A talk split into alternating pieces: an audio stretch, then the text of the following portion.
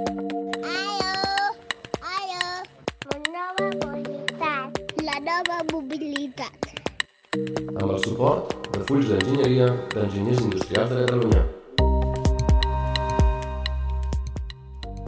Benvinguts a la nova mobilitat. Avui tenim el capítol 16. Martí, Hola, què tal, Miquel? Sí, capítol 16. Avui parlarem d'avions elèctrics. avions, avions, no són ben bé avions, això, no? No, no, ara ens ho explicarà el nostre convidat, perquè eh, a l'hora de triar el títol també era difícil, eh? Mobilitat elèctrica aèria... Sí, en, en anglès té, té un nom que si estàs fotut en el mundillo és, és fàcil per uh, referir-t'hi, però, clar, si no, doncs és com, és com complicat, no? El tema aquest de Beatles. Però vinga, uh, que, que ens ho expliqui, que ens ho expliqui el convidat. Aleix, com va això? Bona tarda, què tal? L'Aleix es troba, estàvem parlant ara, a un poble de la província de Jaén, entre Jaén i Albacete. Això es diu Villacarrillo, on ets ara mateix? Correcte, Villa Carrillo, sí. I l'oli molt bo, no? L'oli Bé, boníssim. A part d'això, t'avorreixes una mica i per això tens una mica de temps per fer podcast amb nosaltres, potser, Exacte, de temps en tinc. Bueno, ara, ara ens explicaràs com hi has arribat a, a, Villa, a Villacarrillo. Um, però potser fem, fem un petit repàs de, del teu currículum, així ràpid. Uh, L'Aleix Gavarró i Turull, ets enginyer mecànic per la Universitat Rovira i Virgili Correcte? i després també enginyer industrial per la UPC de Terrassa. Això vol dir que ets de la província de Tarragona, Aleix? Correcte, sí. Vaig anar a la Universitat Rovira i Virgili eh, perquè vivia a Valls i bueno, crec que va ser un gran encert. Després vaig anar a estudiar industrials a Terrassa i també per mi va ser un gran encert. I allà la, va ser, ja quan, vas, ja quan eres de Terrassa, que no només et vas eh, centrar únicament en els estudis, sinó que vas començar a tenir contacte amb tota la part eh, dels projectes aquests paral·lels que surten, el Eco Racing, eh, no sé si la Fórmula Student... Bé, la UPC Co-Racing és un, un dels projectes de, de tipus de Fórmula Student i va ser per mi el principal motiu pel qual a, a seguir estudiant i anar a estudiar en aquest cas a Terrassa perquè anaven a fer el seu primer cotxe 100% elèctric i, i ho veia super, super interessant. Molt bé. I vas anar a competir una miqueta eh, per arreu del món, no?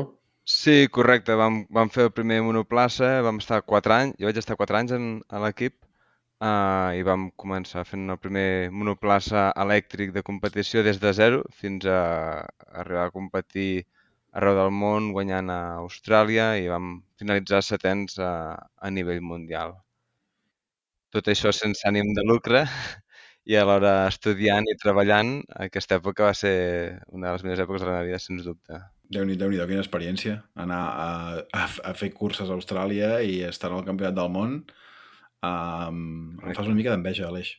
Bueno, com els, com els que parlàvem l'altre dia del cotxe d'Esperta-Ferro, que també se'n van anar a Austràlia, no? Bueno, o en, o, en, o en Jordi Griera, que també havia estat a la Fórmula, a la Fórmula Student, no? Estem, estem ara en sèrie Fórmula Student. Um. Llavors, el vehicle aquest, qu- quantes voltes feia? Bé, és una competició d'enginyeria. Uh, de fet, uh, hi ha una part de les puntuacions que és estàtics, que et jutgen el disseny que has fet tu. Per tant, si tu has fet un disseny molt, un cotxe molt ràpid, però no saps per què, no saps fer els càlculs, no has fet simulacions, etc, no et val per res. I després unes proves dinàmiques en les que es proven diferents aspectes del cotxe, com l'acceleració. Nosaltres vam fer el rècord del món d'acceleració de vehicle propulsat a dues rodes, um, elèctric, i, i després una endurance que són 22 quilòmetres. 22 quilòmetres semblen molt pocs, però realment cap cotxe de sèrie podria seguir-los. O sigui que, per tant, estem parlant de, de, de anar, anar molt ràpid. I ara mateix també estan fent uh, conducció autònoma. O sigui, hi ha proves a les que són autònomes i hi ha competicions de vehicles d'aquests autònoms i realment és, és fascinant com, com la tecnologia allí es veu molt, molt puntera, no? Tant com a vehicle elèctric, com a vehicle autònom, com a telemetria, com tot. Com també els de combustió, eh? Que també n'hi ha de combustió. Jo el que trobo molt interessant de- d'aquest tipus de competicions, de la Fórmula Student, és la- l'aprenentatge que estàs fent, no? I pot ser que a través d'això és el que et va portar eh, el proper pas professional, que és la fundació de Millor Battery, no? Correcte, sí, sí, sens dubte. Uh, jo en el moment en el que vaig estudiar a Terrassa ja decanto una mica la meva carrera professional cap al sector elèctric perquè em volia, o sigui, és el que, volia, el, el que sempre volia volgut, sostenibilitat i vehicles. Llavors, cap allí que vaig anar i gràcies al Corracing un company em vaig entrar a altre, després, bueno, parlant una vegada amb el Baltasar, doncs vam decidir fundar uh, Millor Battery uh -huh. i bé, o sigui, per, per mi és on comença la meva carrera professional uh, cap al sector elèctric, i sens dubte. I allà Millor Battery és, eh, vull dir, vas aplicar, suposo, molts coneixements que ja portaves de, de la Fórmula Student? Allí dissenyàvem i desenvolupàvem i integràvem i fabricàvem les bateries eh, a mida per, per, pels nostres clients i sí, allí vam, vam aplicar tant jo com tot, tot, tot, tots els treballadors doncs, a anteriors experiències i vam aprendre molt. A, aprendre molt no de coses que t'han ensenyat tant a la universitat, sinó molt més coses amb les que t'has anat trobant, però és el que passa quan comences a fer bateries al, el 2012 o 2015 o aquestes èpoques que tampoc hi ha algú, no hi ha ningú que hagi fet un màster o, o alguna així en, en bateries, no? Vull dir, és, és molt, la gent va aprenent uh, fent i trobant-se amb problemes i a veure mm. I en, a, a través de Millor Battery, sobretot els clients que teníeu eren eh, autobusos, si no m'equivoco, també motocicletes elèctriques, no? Sí, bicicletes, eh, cotxes de competició uh -huh. uh, i infinitat de coses ben rares que t'enteres que existeixen quan estàs treballant allí. Perfecte. I llavors arriba un moment i dius, bueno, ara jo tinc ganes de veure altres coses. I és quan canvies al cap de sis anys necessitava un canvi a la meva vida en molts aspectes i vaig tindre un temps sabàtic. Això uh -huh. també crec que és una cosa bona a fer uh -huh. quan no saps què fer amb la teva vida. I, i va aparèixer Lilium i amb, bueno, Lilium és un treball ara amb, una, amb un projecte completament diferent i molt motivador per mi. Lilium és una startup alemanya de la zona de Múnich. Correcte. Lilium és una startup que va començar el 2015. Actualment són més, són més de 800 treballadors.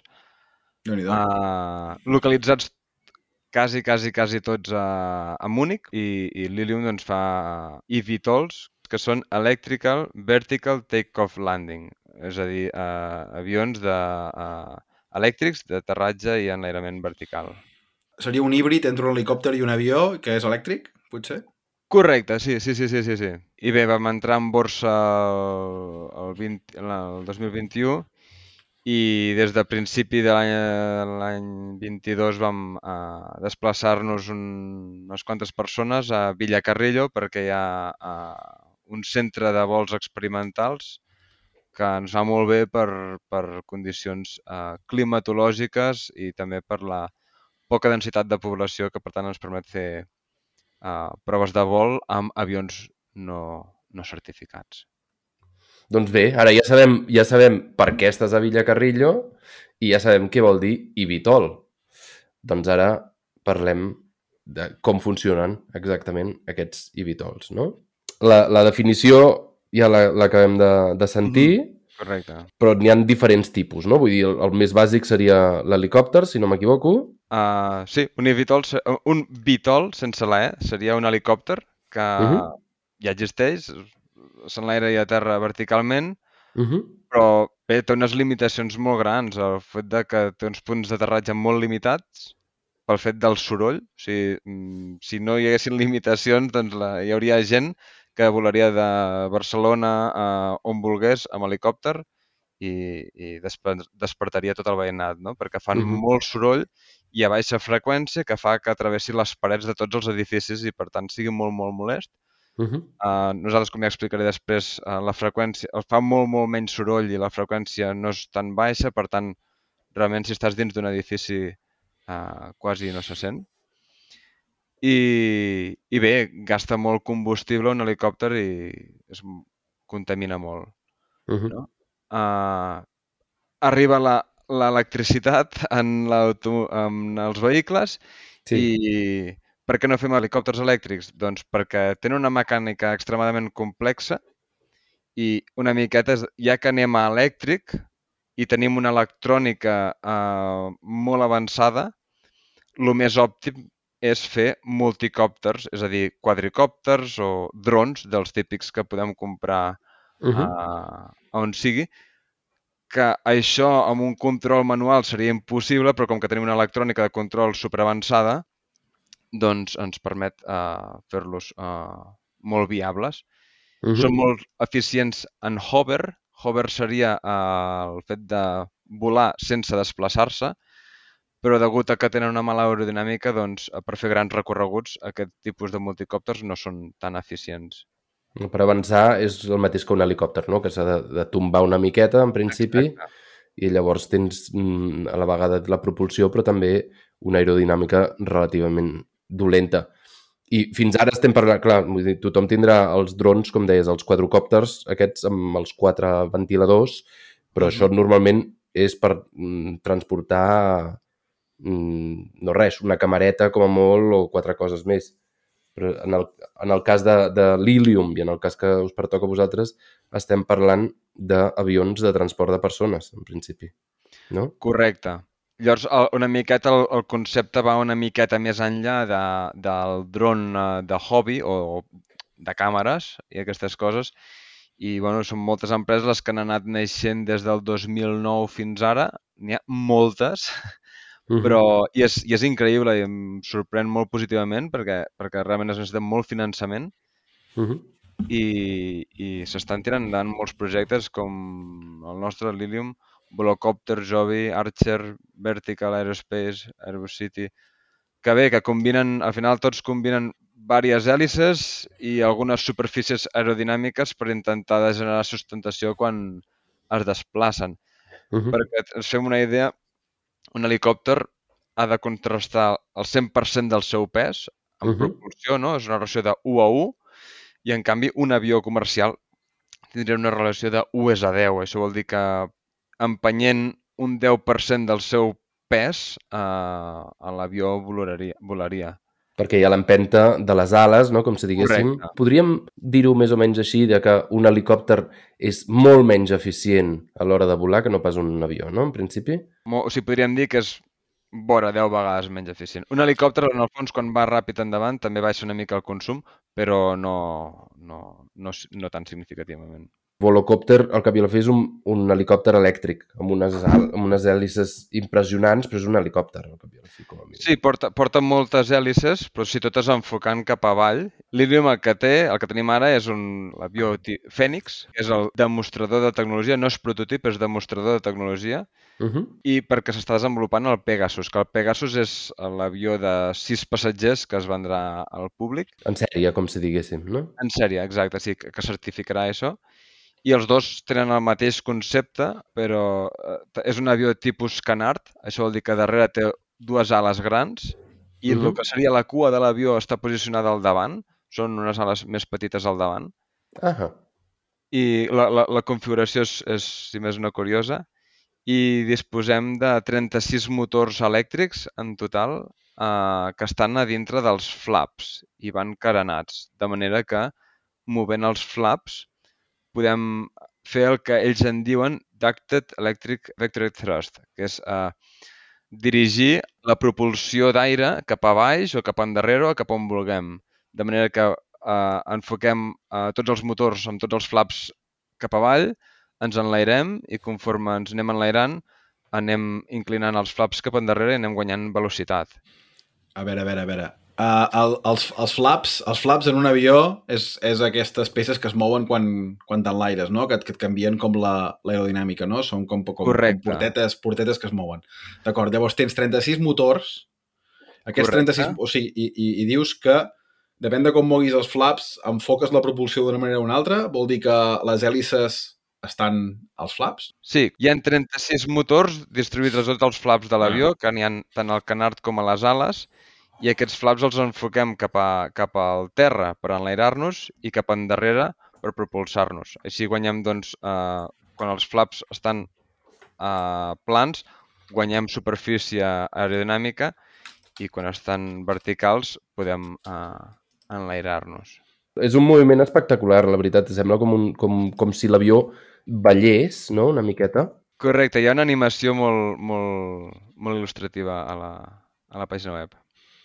I, i aquest és el, diguem-ne, el, el unique selling point, que li diuen, no? El, el punt diferencial de l'Ilium envers a altres eh, empreses d'IVTOLs perquè el- l'avió s'enlaira verticalment però després es mou horitzontalment com un avió normal i corrent i no com un helicòpter que el que ha de fer és, diguem-ne, inclinar-se cap endavant, no? Perquè pots, pots enfocar tota la propulsió cap allà on la necessites, no? És a dir, per enlairar-te l'enfoques cap a baix i després quan estàs en, en, en moviment horitzontal l'enfoques cap a, cap a darrere?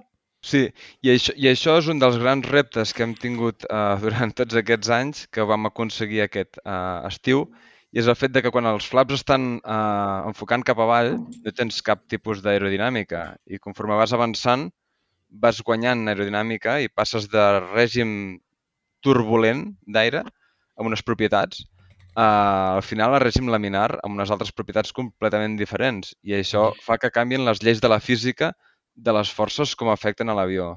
Això, això et canvia els factors que deies abans, no? És a dir, quan, quan estàs fent hover, estàs, o estàs 1 a 1. com deies Correcte. Abans, no?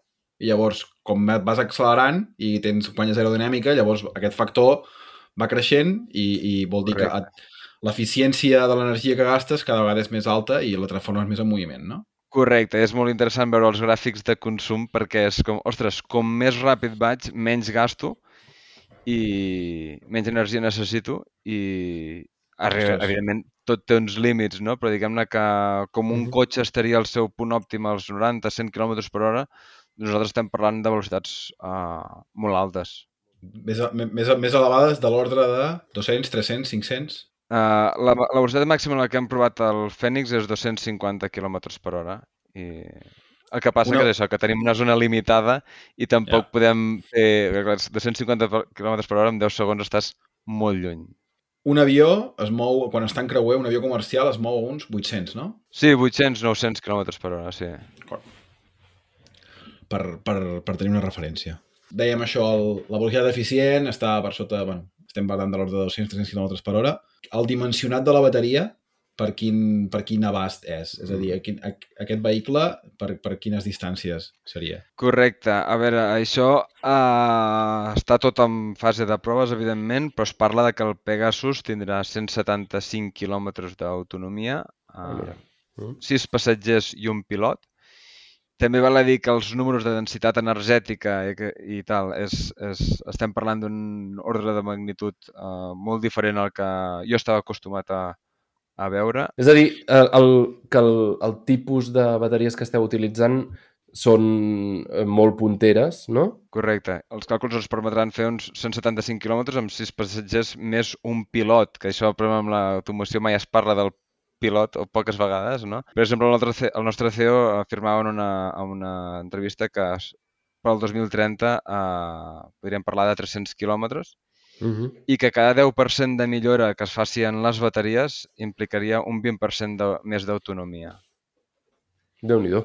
Llavors, aquest vehicle introdueix com moltes innovacions a la, a la vegada, no? Estem parlant de, estaves parlant de bateries molt denses, estem parlant de propulsió, variar, o sigui, propulsió que pots, que pots variar l'angle, um, estem parlant de Beatles Correcte. i, i Beatles que avui no n'hi ha en el mercat, vull dir, hi ha prototips i tal, però és un, és un producte que no està al mercat, per tant és, és molt innovador i, i a part una idea fins i tot seria el tema de l'au- l'autonomia, no? Això en el, en el llançament està planificat perquè hi hagi un pilot, però cada vegada el pilot ha, ha d'anar fent menys o està també vi- previst que en algun moment no n'hi hagi de, de pilot? Correcte. Al final, to, tots els, eh, els jugadors d'aquesta, de, dels Evitols, to, tothom està intentant, eh, en el fons, doncs, eh, no tenir, que siguin autònoms, pel fet de que, clar, que nosaltres, nosaltres d'entrada som els Evitols que portem més passatgers, però, clar, podries portar-ne un més si no portessis pilot. I això és una amortització per la, per la nau molt més alta i és vendre un bitllet més, és, és uh, o anar més lluny. I l'operació l'operació de la nau també és molt més barata, no? Si no tens pilot. Correcte, correcte. Però va- val a val a dir que, que, clar, que ara mateix les, les normatives eh, estan una mica justes eh, per acceptar eVTOLs. Estan- est- s'estan treballant eh, amb un avió tan, tan, amb avions tan diferents.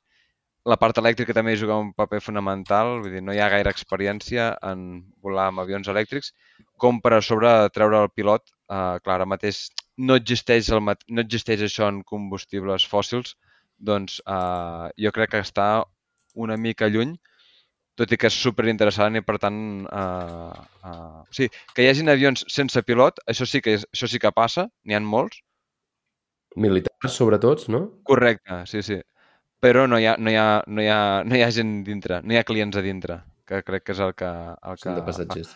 La normativa, si no hi ha pilot i estàs en una zona controlada, deixa fer bastant el que vulguis, a la que poses gent a dintre i sobretot clients és quan es torna, o volar per Mm. sobre ciutats, és quan es torna molt, molt, molt estricte. Massa innovacions de cop, potser, per la, per la legislació, no? Diu, anem, anem pas a pas.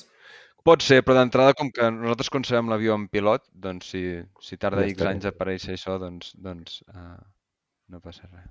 Més enllà d'això, mm, l'Ilium, a més a més, mm, no només es veu com a empresa eh, desenvolupadora i productora del, del Phoenix, sinó, més enllà d'això, també eh, estan plantejant de ser els operadors del servei, fins i tot de crear, diguem-ne, les pistes d'aterratge per a aquests eh, tipus d'avions, no?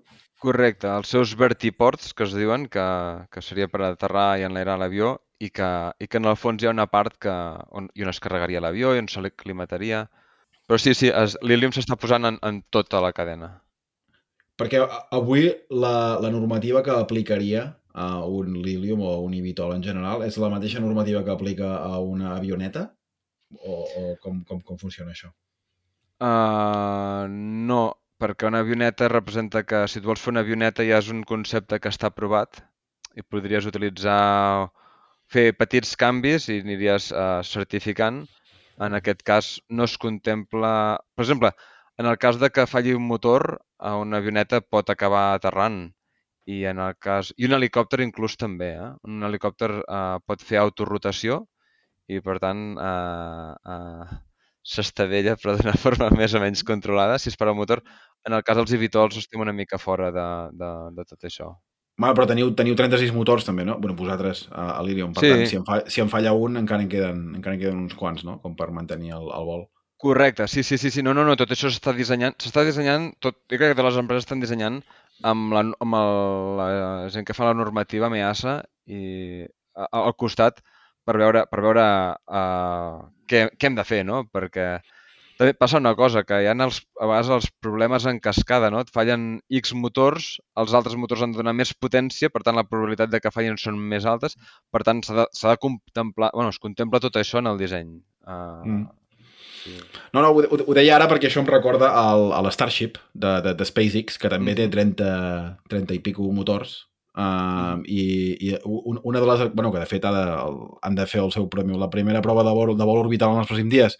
I una, una de les justificacions és com més motors hi posis, més redundància tens, menys problemes tens si te'n si te'n falla un. No? Llavors, Correcte, per, sí, sí, per sí, això, sí. La, la, sol- la solució d'incrementar un, un nombre de motors també et dona una seguretat afegida, També- no? però també el cas d'aquest, no? vas, vas incrementant cada vegada més la càrrega de, de la resta. És el, el, mateix, és el, mateix, el mateix CEO, és el Elon Musk, és el mateix que va fer la bateria del Tesla eh, Model S, on va dir com més cel·les millor. Si en peta una, pots seguir conduint, no? Poder seguir, correcte, correcte. No, i a part, a part que després hi ha coses que, per exemple, el, el fet de nosaltres tenir molts motors i tenir-los carenats fa que faci molt, molt poc soroll l'avió. Vull dir, uh, és, és tot... En el nostre cas són avantatges hi hi ha inconvenients, evidentment, eh, també.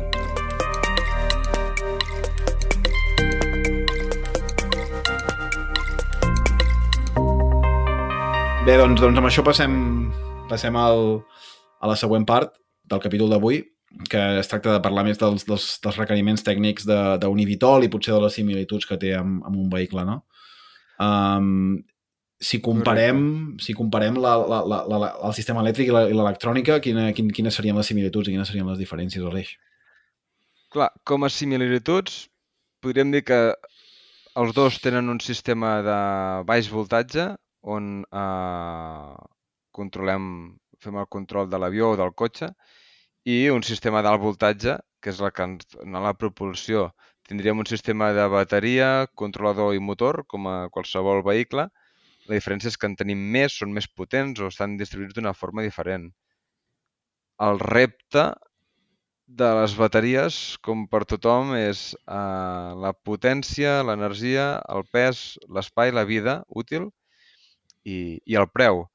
En un automòbil eh, ens guiem molt per l'energia i la vida útil i també pel preu, perquè al final podríem fer un cotxe potser amb 2.000 quilòmetres d'autonomia, però si volgués 200.000 euros no en vendríem gaires. Uh, crec que ara mateix uh, està, el mercat està en qui faci un cotxe elèctric uh, econòmic.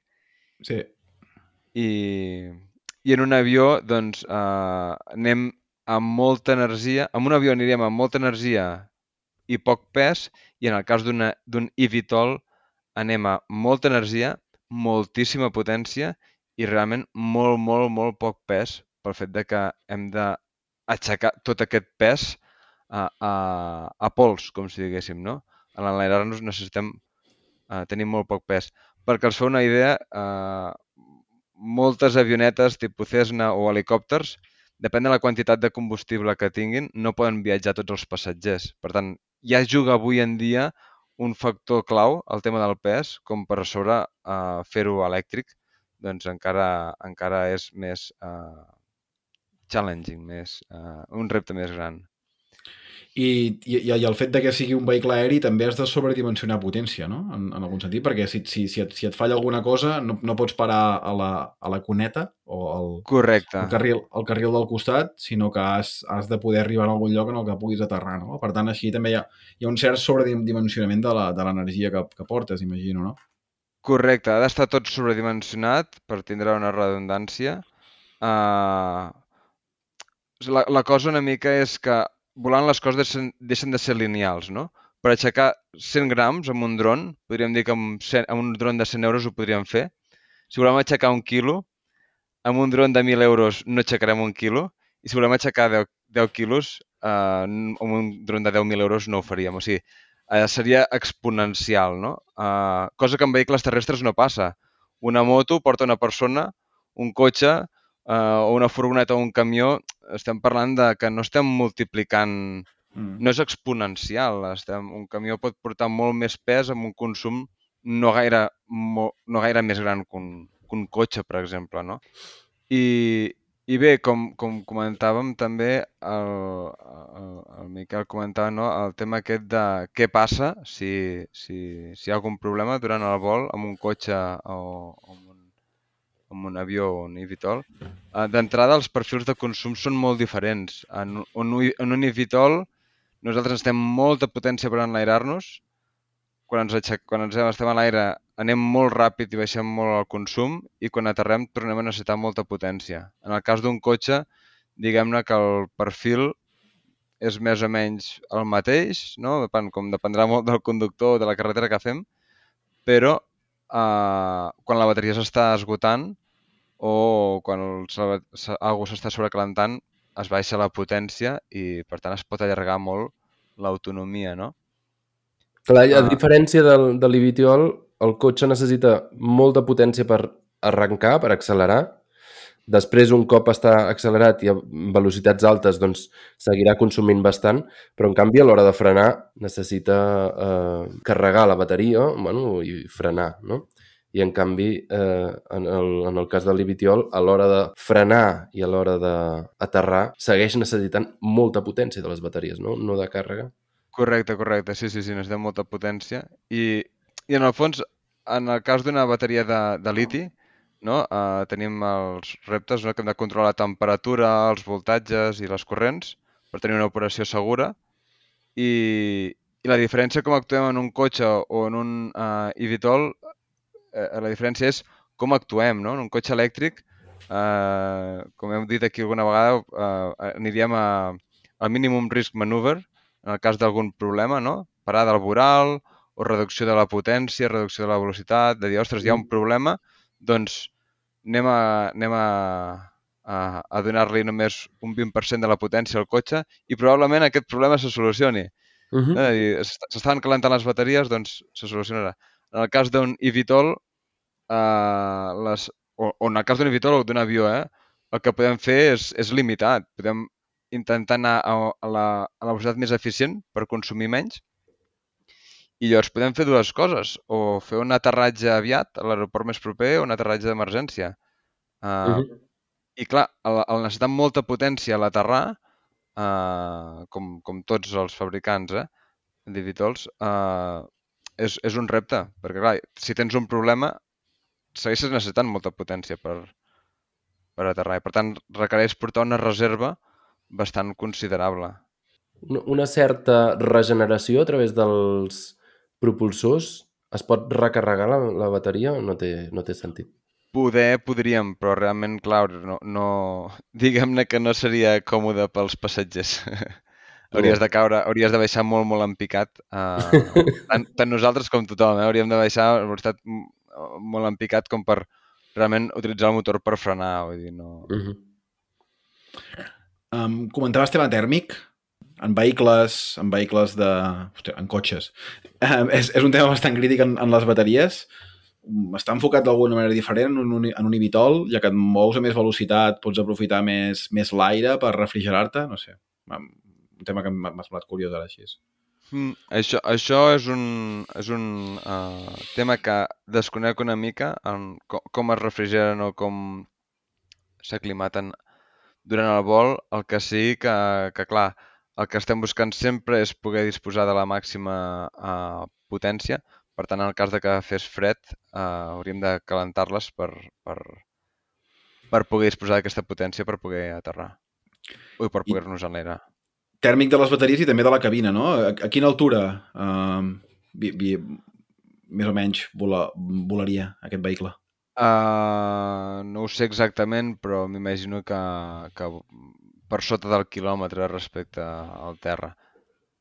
D'acord. Vull dir, els, Sí, els avions generalment volen molt, molt amunt perquè no tenen, per tindre menys resistència amb l'aire, però en el cas d'un eVTOL per fer uh, 300 quilòmetres o el que sigui, no té sentit pujar tan amunt perquè gastes molt combustible que després no, Clar. no amortitzaries.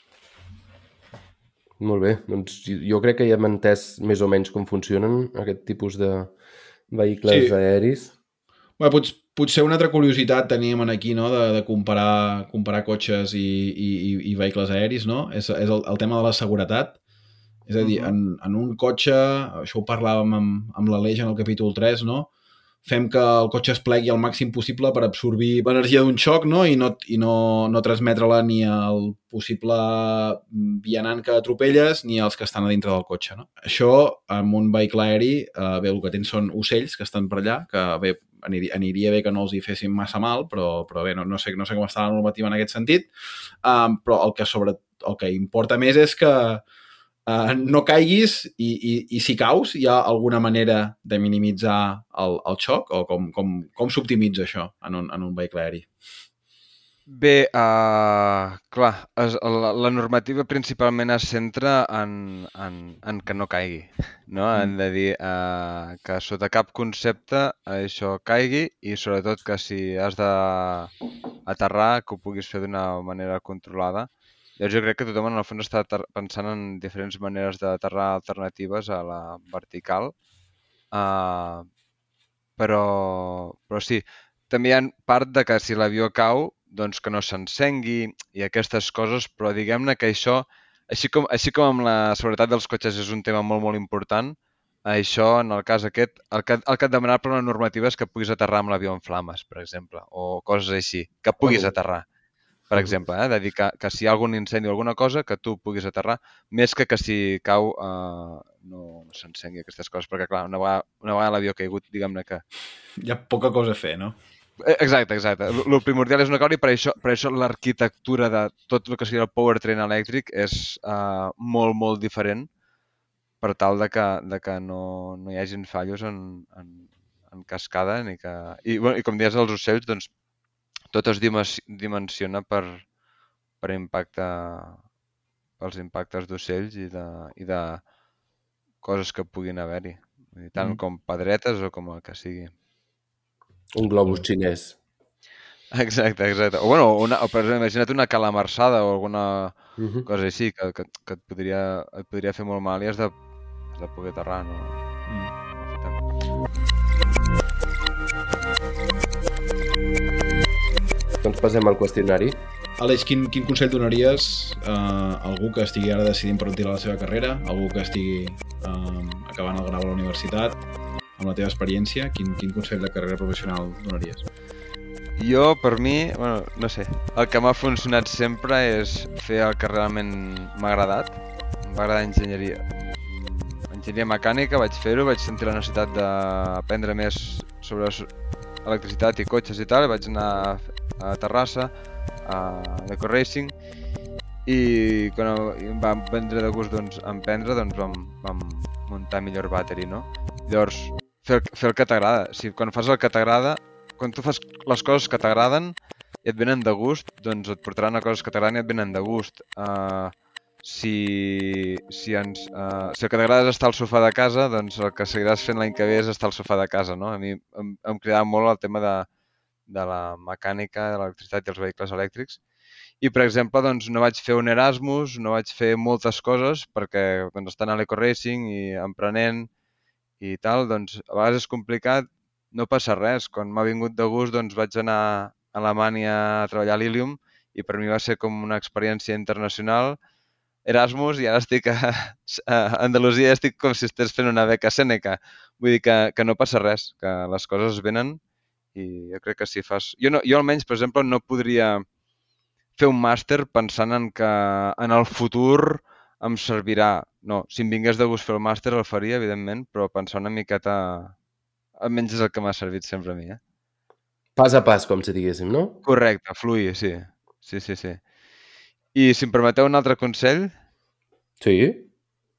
uh, senti el fet de sentir-se valorat, de no quedar-se estancat a un lloc, uh, que canviar sempre pot ser bo, Uh -huh. i jo crec que, crec que no tenir por al canvi és una de les coses uh, que moltes vegades hi ha molts enginyers i no enginyers, hi ha gent de, de molts sectors que es senten estancats i es queden allí i tal.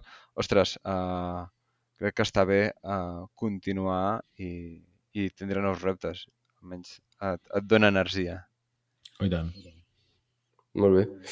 I bé, tu ja has format part de, de la indústria, diguem-ne, de la mobilitat dins de Catalunya, des de Millor Battery.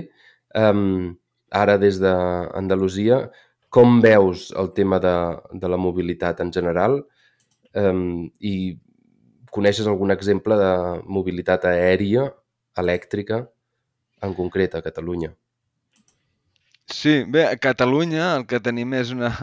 Uh, el sector de l'automòbil és molt fort, el qual és boníssim, però crec que per el nivell de tecnologia que tenim hi ha poca temes d'aviació i bueno, pel que sé és que Volt està, està fent uh, projectes de bateries per avions híbrids elèctrics, el qual em sembla molt, molt interessant. A Montmeló, I- sí. Exacte. Una, una I- salutació en, en, en, en Gerard eh, i en, en, eh, En en Bernat Carreras, Bernat correcte. Carreras i en Gerard Torres. Correcte. I, i és això, eh, em sembla molt interessant que ens comencem a posar en aquests temes a Catalunya perquè, perquè crec que van molt lligats, eh? O sigui, al final, eh, ta- tant a nivell del personal, per exemple, jo estic treballant amb avions i no, i no, eh, no havia treballat mai en avions i no passa res, igual al final el knowledge el tinc d'altres altres sectors, vull dir que crec que això enriqueix a, a tots els altres sectors. Uh -huh.